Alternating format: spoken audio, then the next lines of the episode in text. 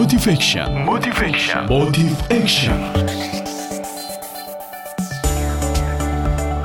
Assalamualaikum warahmatullahi wabarakatuh Mitra Muslim yang menemani Anda ke mana pun Anda pergi khususnya kalau ke kantor adalah HP pintar Anda alias smartphone Begitu pentingnya sehingga saat Anda menyadarinya lupa membawanya Anda rela kembali pulang untuk mengambilnya Sepertinya memang saat ini tidak mungkin hidup tanpa smartphone Padahal sebenarnya bisa loh Tentu sangat menjengkelkan bila smartphone kita menjadi lambat atau lemot bila digunakan.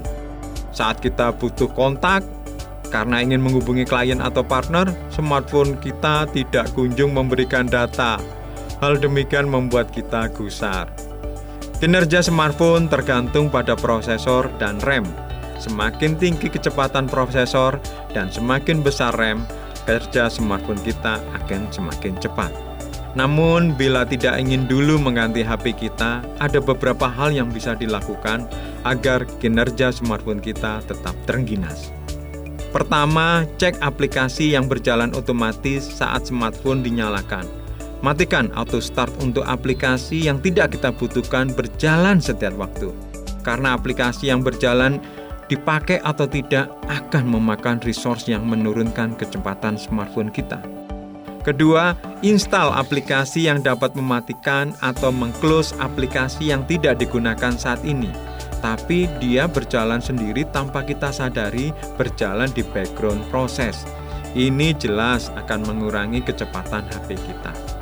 Ketiga, buang aplikasi bawaan dari pabrik yang kadang tidak kita perlukan.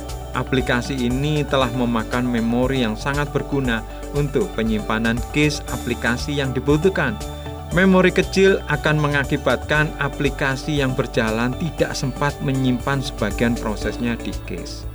Keempat, periksa aplikasi apa yang memaksa untuk melakukan koneksi internet terus-menerus. Bila aplikasi tidak kita butuhkan untuk berkoneksi terus-menerus, Anda bisa mematikannya. Proses yang dilakukan saat koneksi internet terus-menerus ini mengakibatkan jadi lambatnya smartphone kita. Ada banyak yang sebenarnya bisa dilakukan agar smartphone kita tetap sekencang saat pertama kali memilikinya dulu.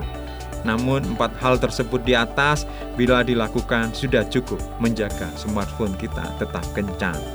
Saya, Muhammad Yusuf, penulis buku, dosen, dan trainer di Life untuk Suara Muslim Radio Network. Wassalamualaikum warahmatullahi wabarakatuh.